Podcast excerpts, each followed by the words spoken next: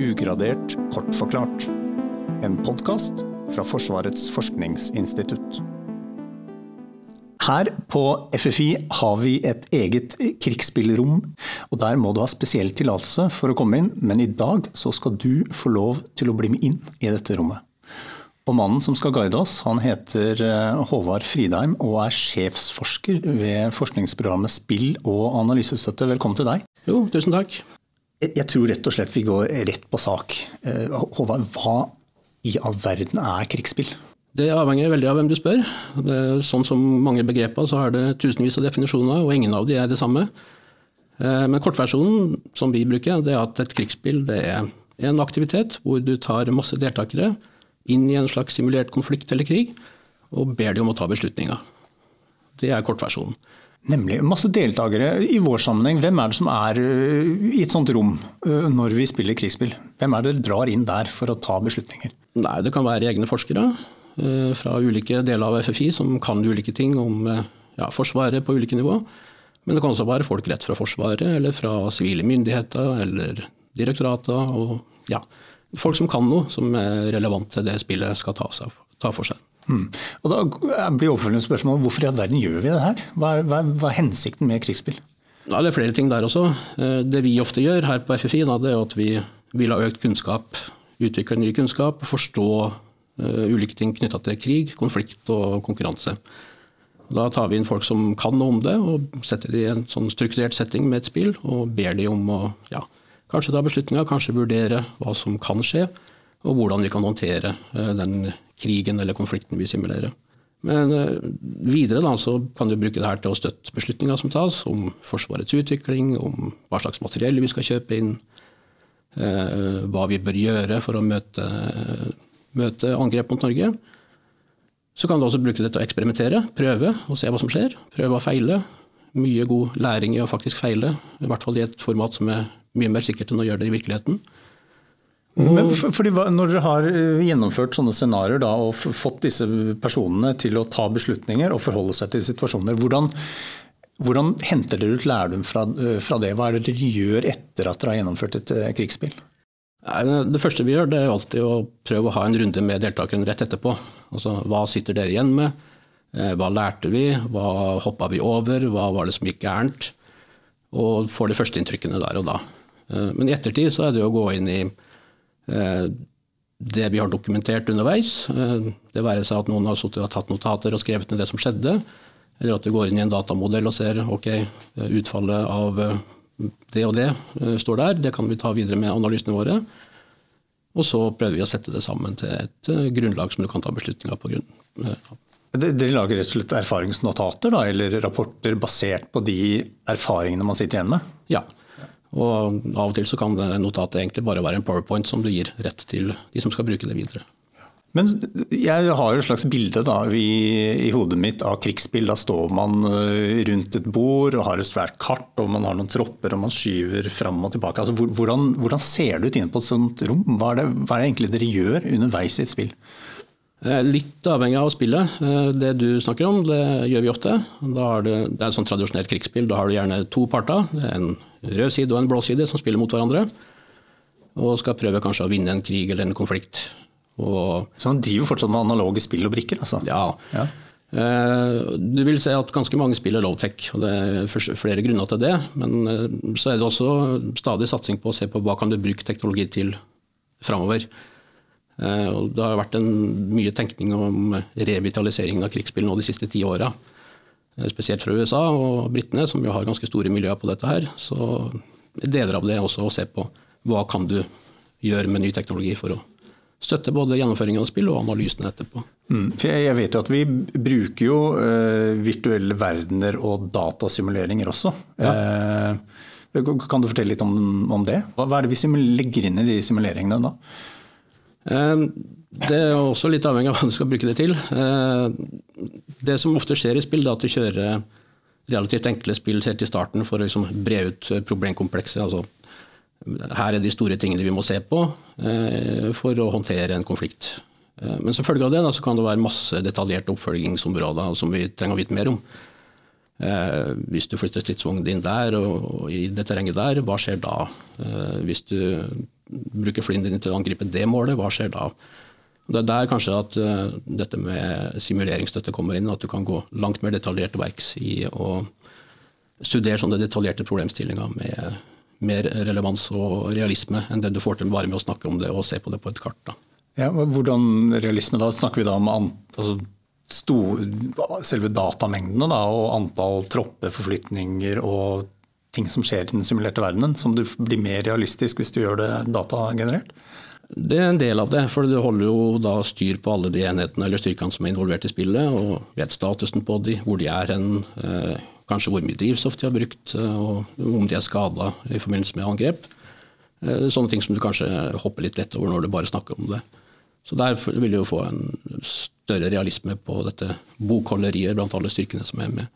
Men i tillegg da så er det jo når du bare snakker om det på et kart, så er det veldig lett å hoppe litt fort over tidsaspektet på ting. Det tar ting, tid å flytte disse styrkene fram og tilbake. Og det er også lettere å ha styr på da, hvis du, hvis du kjører en datasimulering bak. Mm. Dere var jo nede nylig på, på Akershus festning og hadde krigsspill med forsvarsledelsen. Kan du fortelle litt om hva dere gjorde der? Ja, jeg kan kanskje ikke så fortelle så mye om selve diskusjonene. og Nei. Her kommer det nok en gang tilbake til begrepet krigsspill, hva det egentlig et spill vi gjorde. Vi de satte de rundt et kart og hadde noen brikker, men det vi egentlig bare gjorde, det var jo å snakke om problemstillingene rundt det kartet.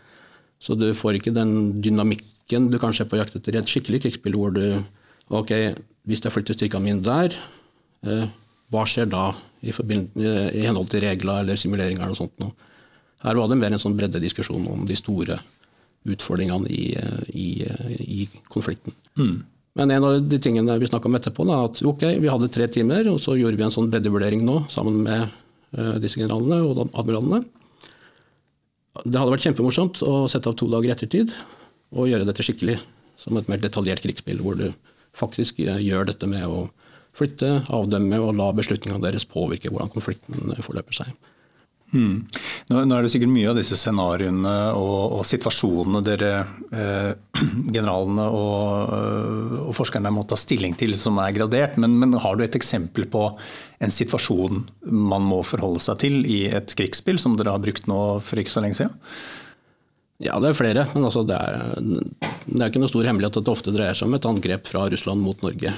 Om det da er til lands eller vanns eller uh, i lufta med. Det, det setter man sammen alt etter hva slags problem man skal studere.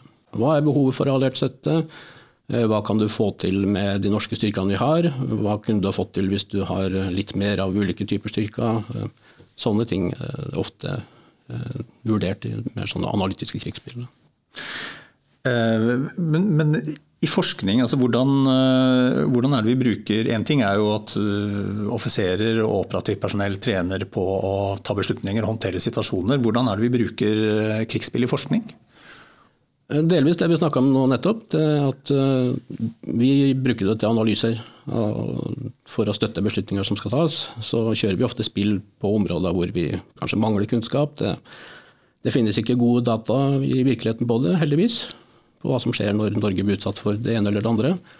Og da setter vi opp mer eller mindre profesjonelle krigsspill for å få eh, vurdert eh, hvor gode ulike strukturer i Forsvaret er, hva som virker og hva som ikke virker.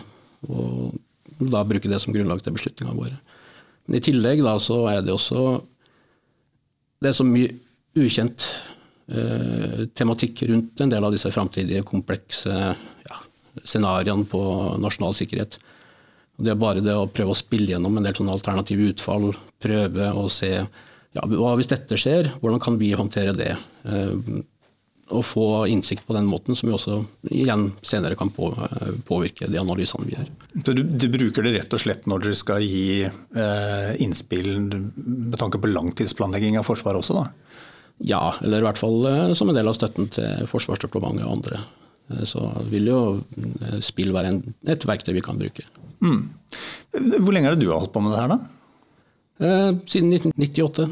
Hvordan havna du inn i, i krigsspillverdenen? Nei, Da var det strengt tatt på sivil side. Da hadde vi noen beskyttelses av samfunnet-prosjekter som eh, begynte å bruke spill for å se på hva skjer hvis du begynner å herje med telenettet i Norge og kraftforsyningen. og Da var det nok en gang kan vi alltid diskutere om det var spill eller mer sånne scenariobaserte diskusjoner, men sette beslutningstakere fra ulike myndigheter sammen i samme rom og diskutere gjennom hva skjer hvis vi begynner å angripe disse sivile systemene som vi er avhengig av.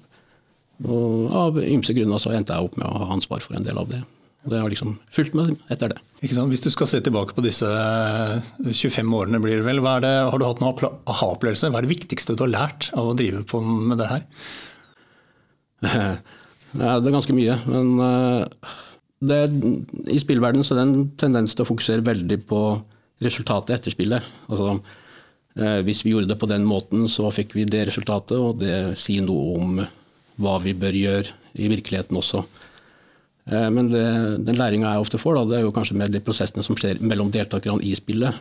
Altså, da er det ikke konsekvensen eller utfallet av konflikten som er det viktige, men hvorfor deltakerne oppførte seg som de gjorde, hvorfor de samarbeida, hvorfor de konkurrerte med hverandre og får læring på de samvirke- eller konkurranseprosessene der. Det kanskje der ofte den innsikten jeg sitter igjen med på, er vel så viktig som det utfallene av, av konflikten i seg sjøl. Hvordan, hvordan, følger dere opp da, hvis dere ser at noen, eh, noen ble for stressa eller kanskje oppførte seg eh, merkelig situasjon. Hvordan følger man opp det med, med, med, de, med vedkommende i ettertid? Nei, det, det, skal vi ikke lyve og si at vi gjør veldig mye av det. Eh, men det vi har blitt veldig mye flinkere til i det siste, da, det er å prøve å se erfaringene fra spill, dokumentere de og se hva kan vi lære av det over tid.